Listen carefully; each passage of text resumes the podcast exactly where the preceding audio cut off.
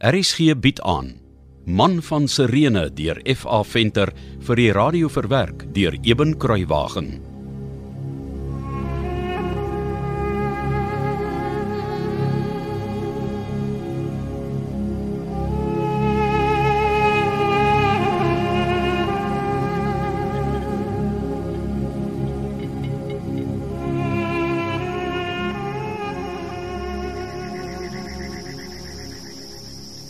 Simon, hoe lyk Jerusalem?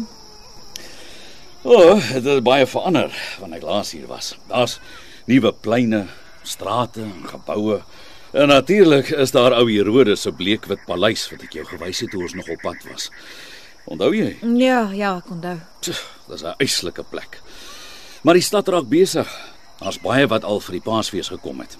Jy ken die pelgrim sommer op 'n afstand uit.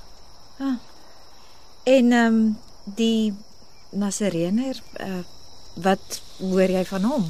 Niks gehoor nie. Deborah, Ja, Simon. jy moet asseblief nie dat hierdie Nasareëner tussen ons kom nie. Ja, die, die Josef van Arimatea. Ja. Wat van hom? Uh, gaan gaan hy jou iets betaal vir die werk? Ja. Ek doen alles om die helfte, maar hy sal ons met 'n bietjie geld help totdat ons oes. Ah, wel, dis baie gaaf van hom. Die Here het ons waarlik ryklik geseën. Ja. Hy het. Ek sien Esegiel is uiteindelik klaar met die esels. En nou kan ons trek. Ek so nuuskierig om Jerusalem te sien.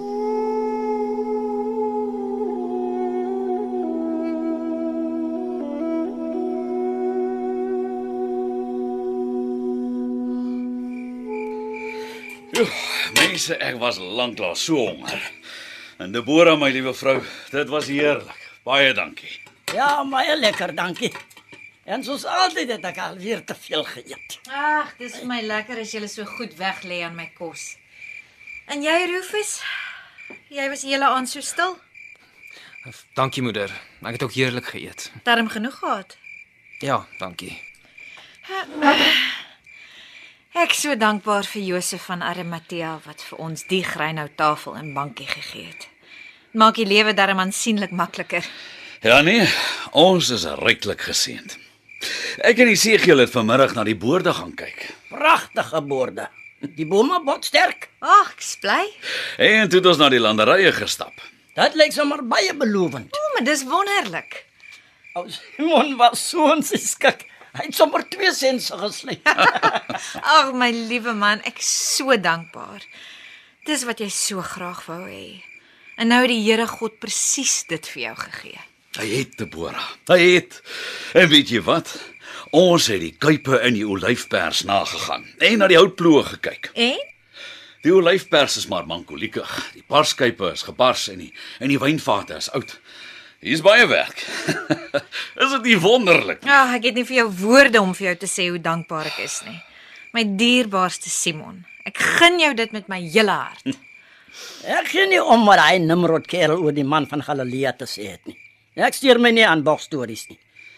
Maar ek moet erken wat hy van Josef van Arimatea gesê het, was nie die helfte van hoe goedhartig die man is nie. Kyk nou man en wat het hy alles vir ons gebring om te eet. Ooh, lieflike dadels, rosyne en heuning. En dankie Esegiel dat jy vir ons die bokke gemelk het. Wie het nou gedink ons sal vars melk hê saam met ons ete? ja. Ek het hom en Rufus gevra om van die onkruid om die huis weg te kap terwyl ek die sense skerp maak. En toe ek weer sien, toe is die arme Rufus alleen aan die baklei en die onkruid. Die volgende oomblik kom die segel uit die olyfpoort gestap met die karbaa melk en 'n glimlag van oor tot oor. Ai, dit maak my hart gelukkig om julle so opgewonde te sien en en te hoor lag. Ek het dit baie gemis terwyl ons op vlug was. ja, die vervloekte Romeine. Maar die koring is geil. As die Here wil, sal ons 'n goeie oes hê. En Josef sê ek kan die helfte van die eerste oes kry. Al het ek dit nie gesaai nie. Hy sal ryklik geseën word deur die Almagtige. Hy sê nogal vir my, toe ek hom vra hoekom hy so ruimhartig is, dis oor God hom so ryklik geseën het. Ja, dis 'n baie goeie man daai. Baie goed. Gewis. Hier gaan baie druiwe en vrugte wees om te oes. Dit kan ek sien. Ons sal hard werk om te dors en te pas, maar dit gaan meer as die moeite werd wees. Dit verseker ek julle. Dis wonderlik. O, oh, Wat? daar's wyn ook. Wyn. Waar? By die Olyfpers is 'n gebouetjie waar Josef sy kruike agter slot en grendel hou. Ons kan van daardie wyn soveel gebruik as wat ons wil. Die wonderwerk raak net al hoe groter. Maar Simon, hoekom is alles dan so verwaarloos? Hy hemels gesê, die vorige knegg het agter daardie Nasareëner aangeloop en als net so gelos. En Josef van Arimatea het moeite om die plek alleen aan die gang te hou. Hy's mos 'n belangrike man as ek reg onthou. Ja, hy is lid van die Sanhedrin. Dit hou hom baie besig. Dis hoekom hy nie altyd kan toesig hou oor sy grond en die werk wat daar gedoen moet word nie. Maar uh, ons sal hom wys, nee Esegiel. Ja nee, ons ken werk. Ons sal dadelik aan die werk moet spring. Die onkruid staan op party plekke amper borshoogte en die bome se wortels moet losgeskoffel word om lig te kry. En die kuipe moet skoongemaak word. Waar wil jy hê moet ons môre begin? Verseker eers die grond om die bome losmaak. Jy en Rufus kan daarmee begin en dan kyk ek solank in watter toestand die trapvloer is. Die oestyd is nie meer te ver nie. Eh, Sal die graafwerk met jou akkordeer, Rabbin? Rufus, jou vader praat met jou. Wat maak jy, Rufus? Voel jy siek? Jy het vanaand nog nie 'n woord gesê nie. Is jy dan nie bly ons kan weer die grond bewerk nie? Is daar fout my seun? Nee, moeder. Of verlang jy maar net na die ligte van Alexandrië en na die bedompige ou tempelgange waar hulle aldag en heeldag loop en slim stories verkoop? Hæ, Rufus? Vader, ek dink nie ek dink nie ek gaan op die grond werk nie. Wat? Jy gaan nie op die grond werk nie. Nee, vader. Maar ek sê jy moet op die grond help. Ek en Isigio kan nie alles doen nie.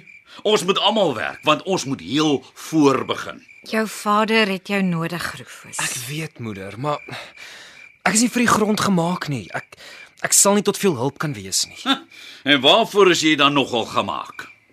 Vader, ek wil verder studeer onder Gamaliel. Onder wie? Gamaliel, vader. Hy is een van die mees gerespekteerde geleerdes in die hele wêreld. Ek het gevorder in Alexandrië, maar nie ver genoeg nie. Daar's daar's meer wat ek wil weet. Verder leer. Wat's daar verder te leer as wat jy al geleer het? Jy's mos al klaar so geleer soos 'n rabbin. Ek ek wil kyk of Gamaliel my kan onderrig in die leer van die Nasareëner.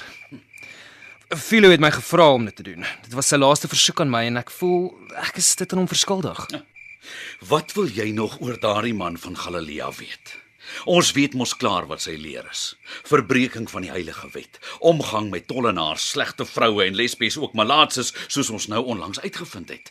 Ek belet jou om oor daardie Nasareëner te gaan leer. Ek sal nie toelaat dat sy leer my huis besoedel nie. Hoor jy my? Ek belet jou. Simon,